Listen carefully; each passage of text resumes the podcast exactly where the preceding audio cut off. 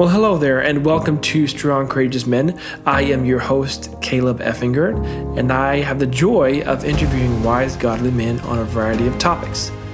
These conversations are intended to encourage us to be strong, courageous men, humbly living for the glory of Christ as we run this race toward heaven.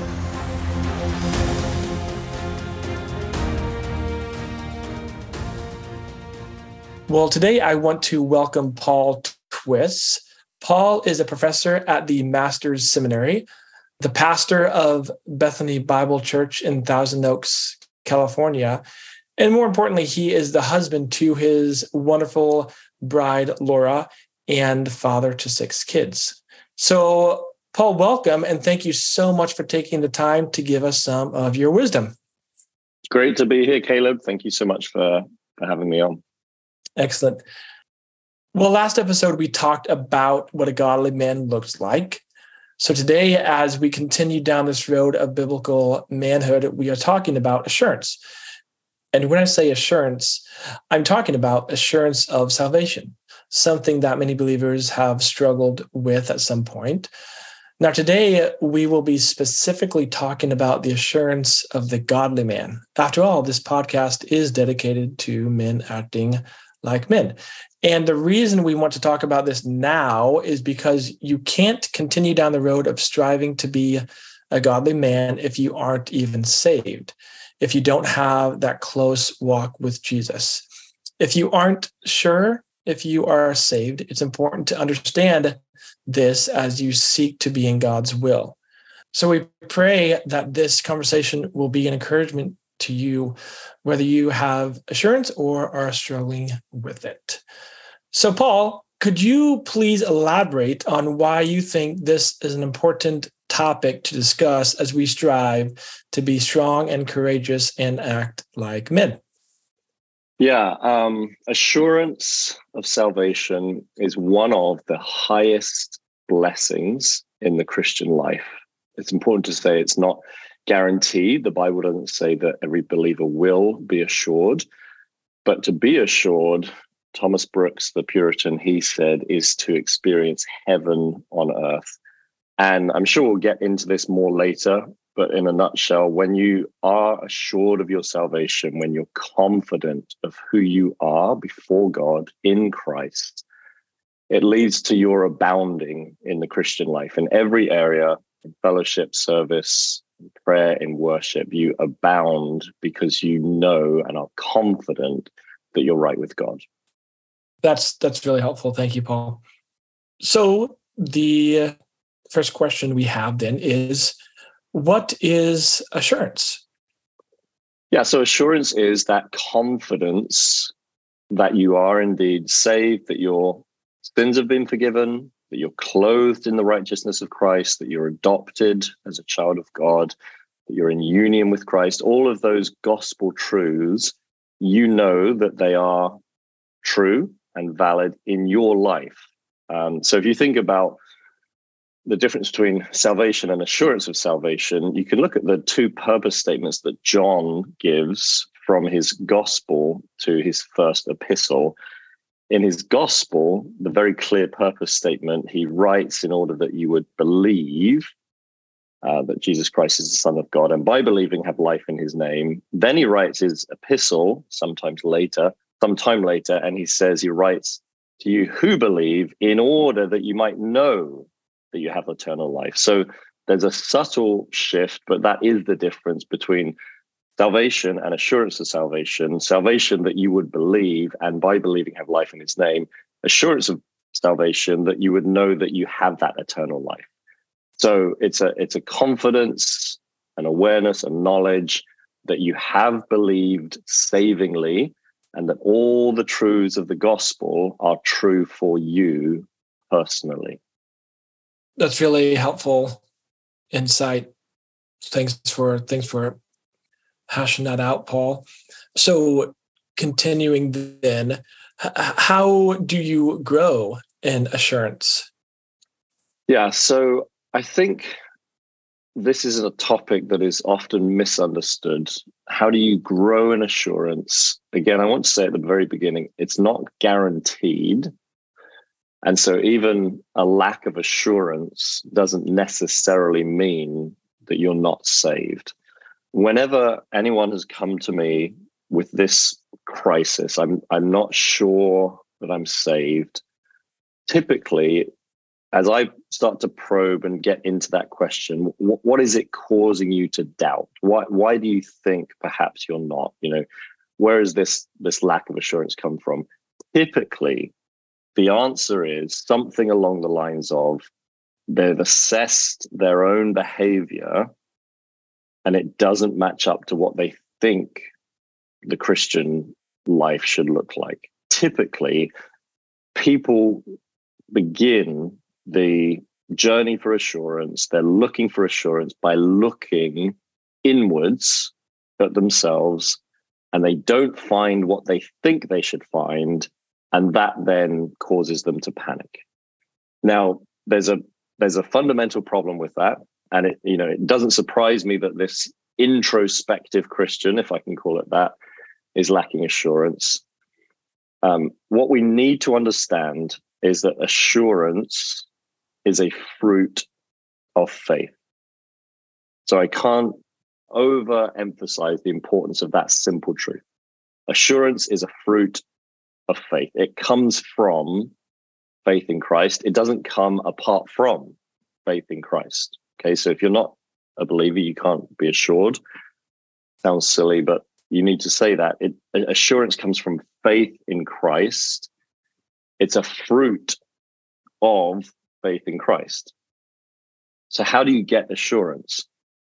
Fundamentally, you get assurance by nurturing your faith. That's the principal way in which we grow in assurance by nurturing your faith in Christ because faith gives rise to assurance. You're not going to get assurance, you're not going to be assured if you're not nurturing your faith in Christ. So the mistake that people often make is that they want to be assured and they look at themselves and their own actions for that assurance, but that's not going to give them assurances. That's not where assurance comes from. And I might just say, I think a lot of pastors do a disservice to the nervous believer by not understanding this truth. So the temptation for the pastor when the believer comes and says, I'm lacking assurance, I'm not sure if I'm saved, the temptation for the pastor is to exhort the nervous believer to look inward, to they, they want to point to something in the believer's life to give them confidence that you're saved. And it might be that they go back to their their testimony and say, but do you remember, you know, when you gave your testimony and we talked about the, you know, the radical life transformation that we saw and how you stopped doing this, this, and this, and and this was now new in your life. Do you remember that that that was what you said? And that's evidence and I'm not dismissing the value of a transformed life as evidence of salvation. But the point still remains assurance comes from faith, and we grow in assurance by nurturing our faith, not fundamentally by looking at what we have done. Okay. So the nature of saving faith is that Christ has done it all, right? We believe and accept that Christ has paid the price for our sins. He's accomplished everything that we can't accomplish. And by trusting in Him, we find salvation. That's what saving faith is a belief in that. So it stands to reason in order to nurture assurance and to find assurance, we have to keep going back to those realities. So we'll get to the place of obedience in the Christian life. I'm, again, I want to stress it's not it's not that our behavior has no place in the economy of assurance. It does and we'll talk about that soon. But the emphasis and where we need to start always is by looking at Christ. So the way that we grow in assurance is to look again upon the one that saved us. And it's as you look at Christ, you delight in him, you embrace him afresh, you run towards him, seek fellowship with him, as you do this, what you're doing is you're nurturing your faith. You're uh, returning to, to the point, uh, and the, the means by which you came into a relationship with your heavenly father, namely through his son and his atoning work on the cross. And you need to keep going back there. And it's as you nurture your faith that you you pave the way to assurance. I sometimes say it like this, you know, the nervous believer comes, they ask about assurance and they say, I'm not sure if I'm saved. And um, e- even there that you know the kind of emphasis is on on them. And i want to encourage that believer to look at christ to the point where really the question changes it's not you know how can i know if i'm saved but really the question is how can i know that christ is sufficient to save and the more that you look at him the more persuaded you are that he is sufficient to save and you then pave the way to, to grow in confidence that he has saved you. So the way that you grow in your assurance is you look at Christ um, first and foremost and fundamentally. Now, as I say that, I realize that perhaps some, you know, are hearing this thinking, well, that that's a kind of weird, abstract thing to say. You look at Christ. What does that mean? He's not bodily present with us right now in church, you know, we tend to use a lot of terms that we forget just don't really make any any sense to anyone that hasn't been around the church for a while. And what does that mean? break down what does it mean to look at Christ? Something that the Bible shows us is that God has given us ways of, if you like, looking at Christ that people often refer to as means of grace. They're avenues by which God gives to us his grace there are lots and lots and lots of means of grace in the Christian life. You know, as I talk to you, God could use this as a means of grace. We encourage one another. If I listen to some Christian music, that could be a means of grace by which the Lord encourages me. If I go to a Christian conference, maybe that's used by God to encourage me. It's a means of grace. Lots of means of grace. However, scripture continually ret- returns to three primary means of grace and they are very simply the word itself, prayer or communion with God, and then fellowship with the saints. Those three in particular, scripture emphasizes as means of grace. And when somebody says, What does it mean to look at Christ? I'll say very simply read your Bible, pray, and be with God's people. And when you do those three, when you pursue those three disciplines in a meaningful way, you engage with the words of scripture. You're meditating upon them, turning them around in your own mind and heart, feasting upon them, delighting on what it is you read. Um, you you will be bringing Christ into view. You'll be bringing Christ near to you through Bible study. You can't go very far in God's word anywhere without seeing Christ and seeing the truths of the gospel. It's it's from beginning to end. We see God's redemptive work and we we apply it to us afresh as we read it and meditate upon it. In like manner, when we pray, you know, we need to think of prayer not simply as uh, asking for things. Um, it it does honor God for us to bring our requests to Him, certainly. But you know, requests asking for things is one room in a vast house that we might call prayer. It's only one part of our prayer life. And a large part of our prayer life should be adoring God, worshiping Him, and very simply kind of speaking back the gospel to Him. And this is why, as it relates to prayer, I often recommend to folks pray from scripture, read the Bible, respond in, in prayer. How? by just praying back to God what you've just read. Now, as you do that, you engage in communion with Him.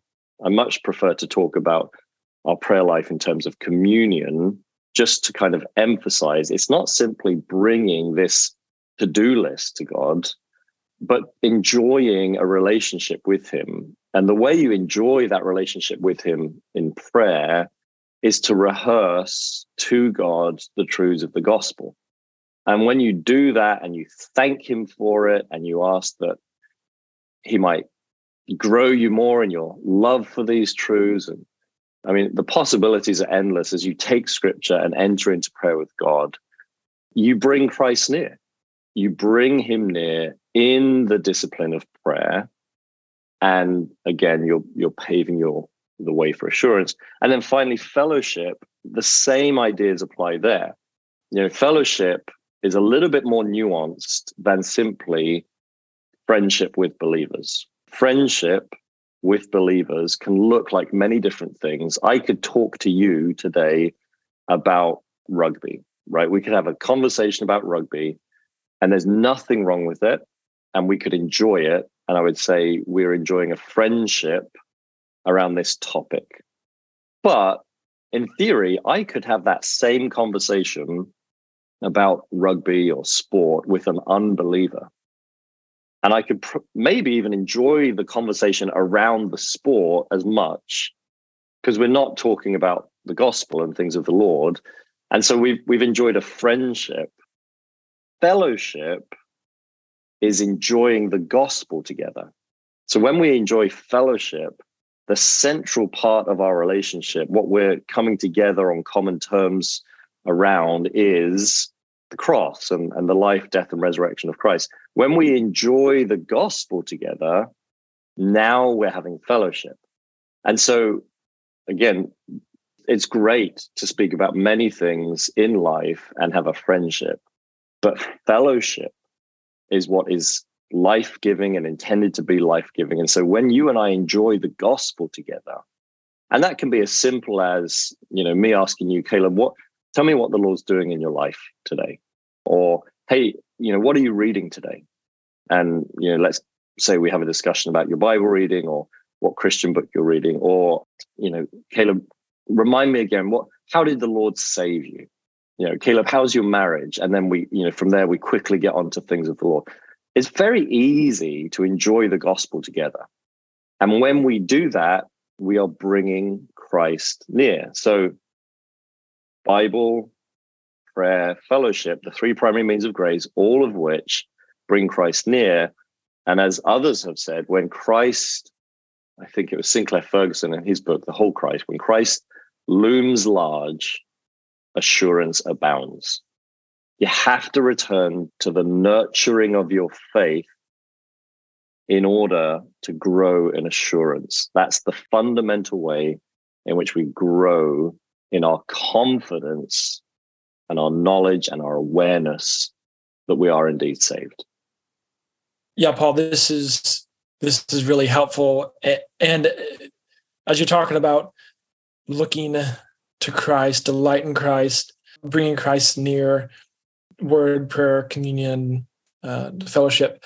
I'm reminded of a few years back where I was in a pretty significant trial and and and, and coming out of that towards green green pastures and and such. And there was about a month there that that you and I were texting back and forth. And it was simply loving God from reading my Bible on the front porch today.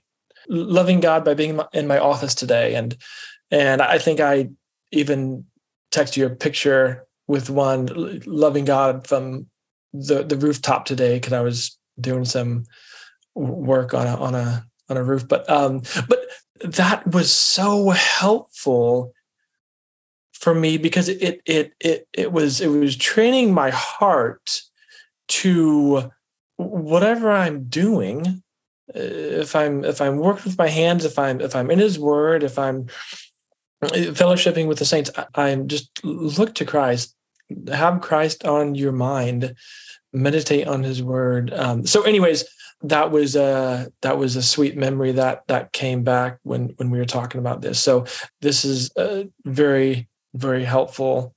And so thank you for getting into that.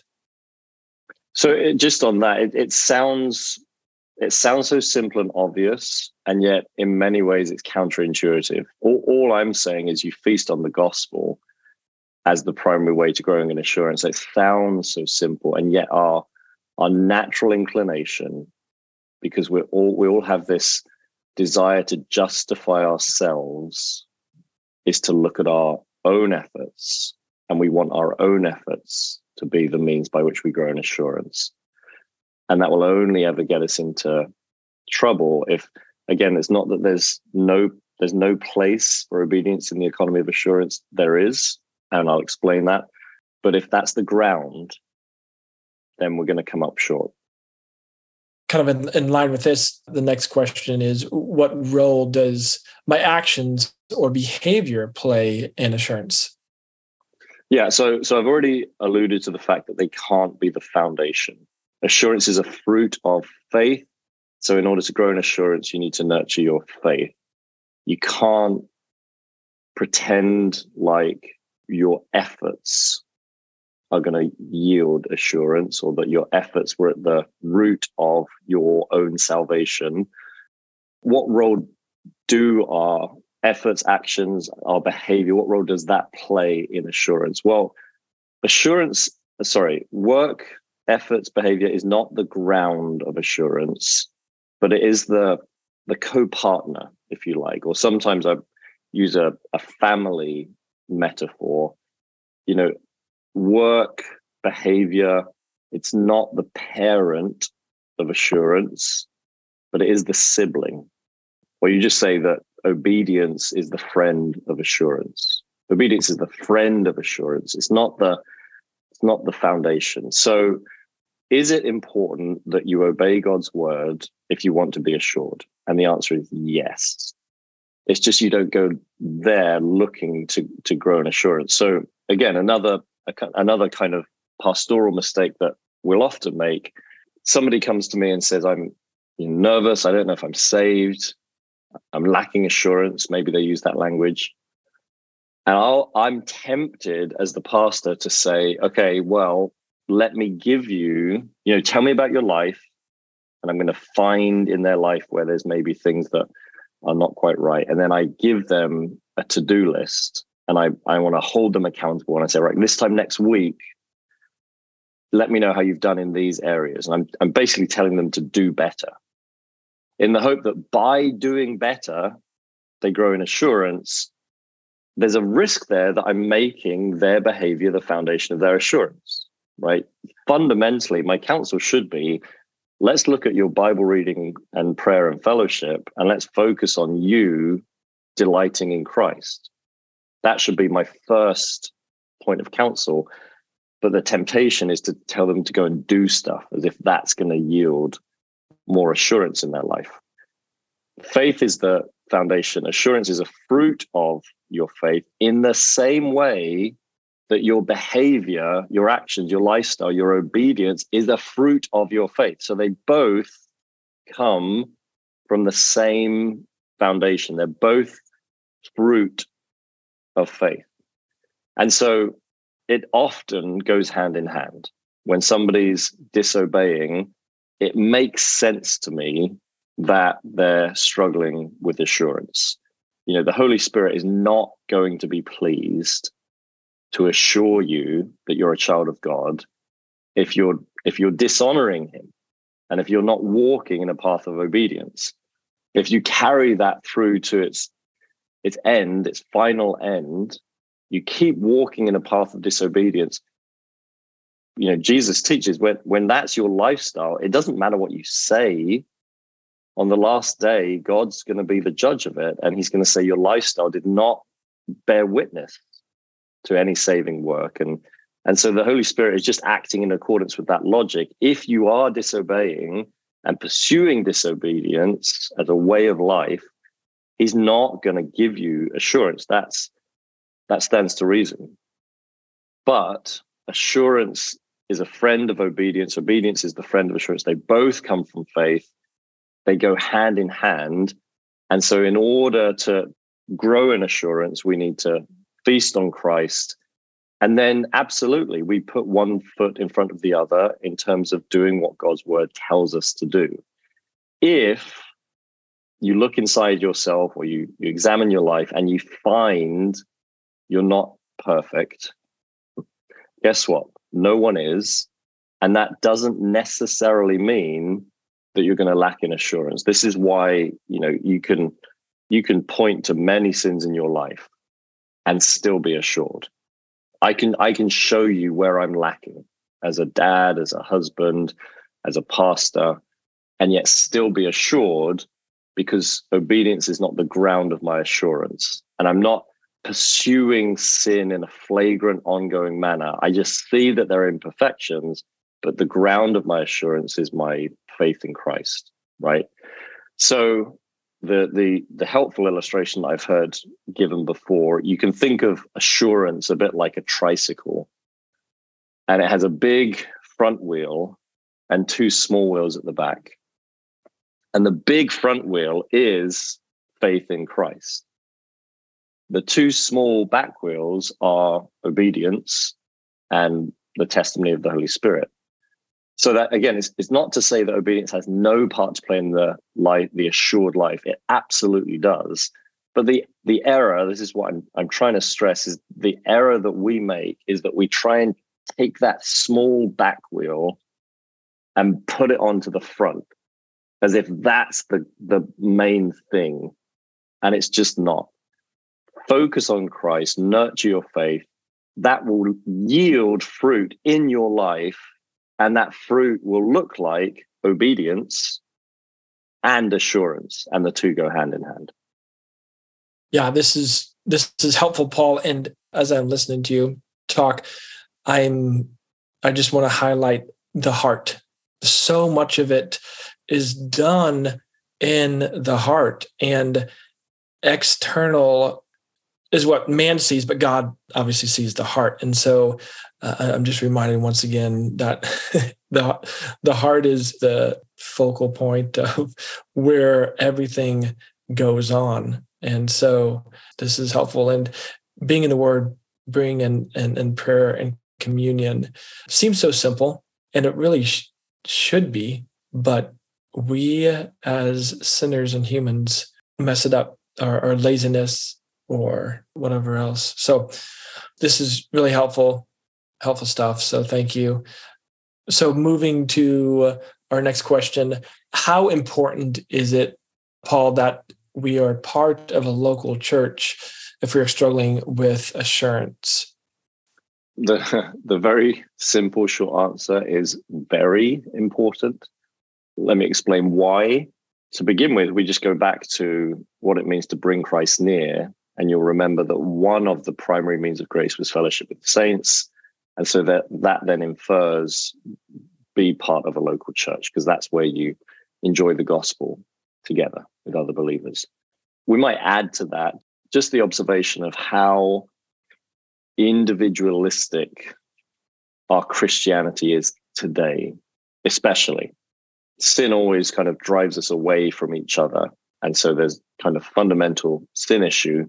Um, but I think today we live in a time where, you know, we're more individualistic in our pursuits in our life than ever before.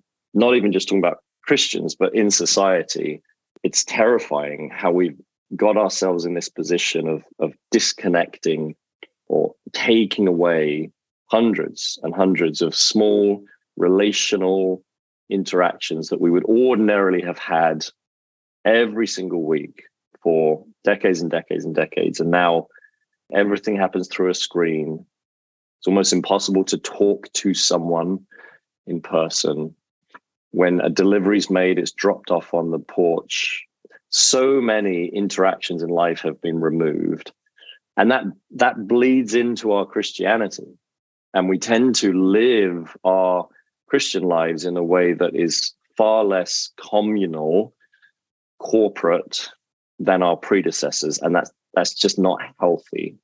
We tend to think of ourselves in a much more individual way than, than before. You know, I always challenge people when you read the Bible, you know, there's great value in a, in a quiet time. I want to affirm that but you you know think about what you're doing you're you're shutting yourself in a room and reading let's say an epistle which originally was addressed to a church and you're reading it by yourself and the challenge that i give is how did you think through the commands of this particular epistle when you read them? How did you think through them? And the answer is nine times out of ten i thought about how they apply to my life. And I say, Did you ever think that that command was given originally to a church, a congregation, and the church together would have heard that read and received it together. And I guarantee they would have been looking at each other thinking, how do we obey this command? Rather than, how does this apply to me? You know, certainly the individual application is what leads to the kind of corporate application or you know, the, the corporate submission. But it's just the approach we have is one that seems to give no thought to my life being embedded in the local church with other believers. That's how God intends for Christians to live. Now, as it relates to assurance, that's a problem because we tend to think of ourselves apart from other Christians. We don't think of ourselves first and foremost as part of a body. And so we're approaching the Christian life in a way that is lacking as it relates to those means of grace. We're just not thinking about ourselves as enjoying the gospel with others, but just me, myself, and I. So that's already going to deal knock a you know be a blow to our assurance. And the the better approach that would lead more readily to the assured life is one that thinks and acts as a member of the body. If we can leave our individualism behind us and just continually be spending our lives in fellowship with one another, that's the best place to be. Think about First John, which I do believe is a letter written to give assurance. 513 I write these things to you who believe in the name of the Son of God, that you may know that you have eternal life. I do think that is the overarching purpose statement to the epistle. He wrote that to a church. And he's he's saying, as it were, to the church, I want you to be assured. So, you know, the, the church is to grow in assurance. And in order for that to happen, they need to be living their lives together and what you find is that when you really do invest yourself, your time, your energy, you spend yourself in the body, in the local congregation, it's a continual source of encouragement. There is this steady enjoyment of the gospel through ways that you would never anticipate, but a continual encouragement around the things of the Lord and here's the other thing it does when you spend yourself in the local church, it guards you from becoming overly introspective, right? So, introspection is helpful and necessary in the Christian life to a degree. You know, when I'm talking about assurance, often people will, and I talk about feasting on Christ first and foremost above and beyond looking at yourself. And people say, but but but didn't Paul say test yourself to see if you're in the faith? He did, but he wasn't trying to give assurance there. You got to think of the purpose. Take every verse in its proper context. You know, arguably Paul's writing there in to the Corinthians to some whom he's not even persuaded are saved. I mean, they're behaving terribly. And he wants them to recognize that their disobedience is unacceptable. He's not trying to give assurance when he says that what John does in his epistle is, is somewhat different. He keeps setting Christ before them and he keeps encouraging them back into community because he knows that in community, there'll be this constant enjoyment of the gospel. When you're by yourself, and especially I think if you're lacking assurance and, and it's a cause of, of stress to you, you tend to go in yourself and become very introspective you know when when people have come to me lacking assurance they're often over analyzing and overthinking everything to the nth degree in in a way that's not actually helpful. So again some degree of introspection and self-examination. Absolutely that's good in the christian life but so also is fellowship. And what time with the saints does is it guards you from going inside your head and working yourself up into this state because you you can't do that. When you're present with the saints you just can't behave in that way. Everyone's present and your the your posture has to be outward looking outward serving caring for others mindful of others and that's the best place to be. God wants us to be there. And so being part of a church meaningfully, not on the periphery, but investing yourself in the local church is so important as we seek to gain assurance of our salvation. Yeah, it's always fascinating to me where, to my shame, I may not want to go to church on a Sunday because working late the night before or whatever it was. And so so I'm a little maybe aggravated, don't really want to go to church. I've never been in that situation and then gone to church and been disappointed that I went. I always go, wow, Lord, thank you for getting me here because this is incredible. This is this is your people, this is your body, this is this is your bride. And and I've never not been grateful for that. It's it's always never ceases to amaze me. So that's yeah, I love I love church. Okay, so so we've been we've been talking about a lot. And so one might ask, okay, then how does an assured man live? How do I how do I live this out? Well, let me talk about the benefits of assurance as the way to answering that question. What does the assured life look like? There, there are benefits that come from being assured that are wonderful. And this goes back to Thomas Brooks's heaven on earth. You know, the, the assured life is is to taste heaven on earth. What does that look like? When you're assured of your salvation, certain things happen. And I, I typically talk about four, four benefits in particular. You have more joy in worship. Okay, so there's a sense in which every one of us is lacking assurance. And by that, I mean, we all have room to grow in our knowledge of who we are before a holy God through the blood of Christ. And the more we grow, the more assured we are, the more we grow in our knowledge of Christ Himself, the more confident we are of what it means to be found in Him and that we are in Him. And as you do that, as you come to God in worship, you have no reservations because you know and are persuaded that He accepts you fully because you're covered in the blood of Christ. You know, my, why do I hesitate in worship? Because at some level in my heart, I think God is not pleased with me.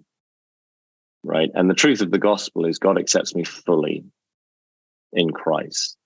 So as I become more persuaded that I'm in Christ, one of the immediate outworkings is I have more joy in my worship. With that, you have more intimacy in prayer so again, there's this hesitation that you know we, we maybe don't even register. Why why don't I pray more? Why am I hesitant in prayer? Why is it not something I'm running towards? At some level in my heart, there's some disbelief. I didn't have a quiet time today. Or, you know, I was rude to my to my wife today. And so I think God's not happy to have me in come to him right now. I need I need to go and have a good day. And when I have a good day, then I'm ready to go and pray with God. Well, that's just not the gospel. The gospel says not condoning bad behavior, sin. Nevertheless, the gospel says God has paid for your sin and he's paved a way for you to come to him and he's ready to receive you in prayer now. And all the more I need to pray to him when it hasn't been a good day right? When you grow in confidence that you are in Christ, that you've been saved by that gospel, and you understand more fully who you are before God through Christ, you you you have that assurance of salvation. One of the benefits is you pray more and you enjoy and delight in that time of communion more than you know, the nervous believer who's hesitant to approach the throne of grace. So, more joy in worship, more intimacy in prayer, more zeal in in service. So thinking now about your horizontal relationships with others, assurance affects that. And the reason being when you when you lack confidence that you are saved, you start to guard yourself on a horizontal level. You start to think that you need to keep yourself safe, preserve yourself in some way, because you don't have the confidence that God has accepted you fully and that you're safe in Him. So, in this weird way, we start to guard ourselves in relationships with others.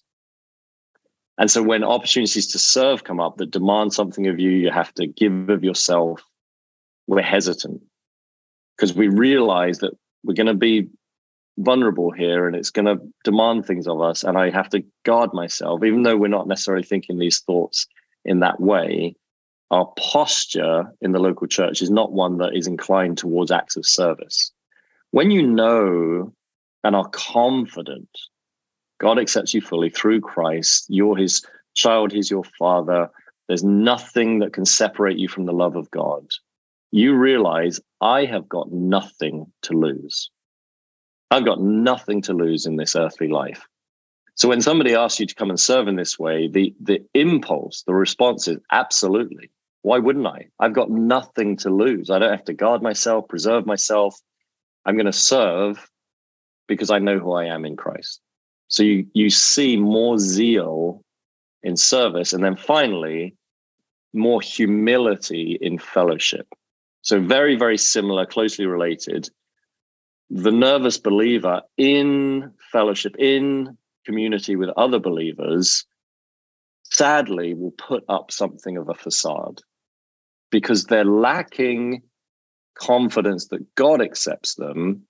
And so they start to look for that acceptance elsewhere, namely with those around them, other believers. And the way that we try and gain acceptance is by being what we think other people want us to be, what we, we think they will like.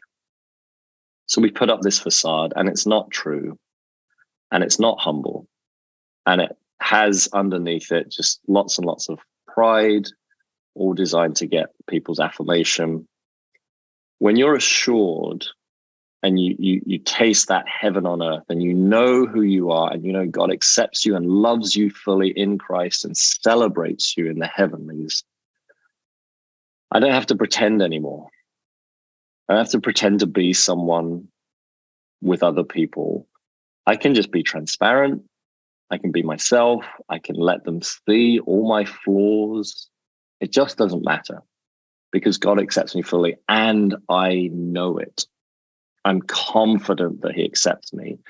So, what you see, one of the fruits of assurance, the benefits of assurance, is more humility in fellowship. So, more joy in worship, more intimacy in prayer, more zeal in service, more joy, uh, more humility in fellowship. So, going back to your very first question, for, for men in the church, why is assurance important? Because we want to be those kind of men we want to be men who delight to worship, delight to pray, delight to serve, and are humble with others. We need to pursue assurance. Well, Paul, you clearly delight in the Lord, and we've been friends for a while now. It's been just a joy to to learn from you, to learn how to delight in Jesus and what that looks like. So it's it's you've been a huge impact in my life, and I just want to thank you publicly for that. And I appreciate you and your time. Thank you, Caleb. Uh, the feeling's mutual, and it's just been great to connect. We don't chat often enough, but it's it's been fun having this conversation today.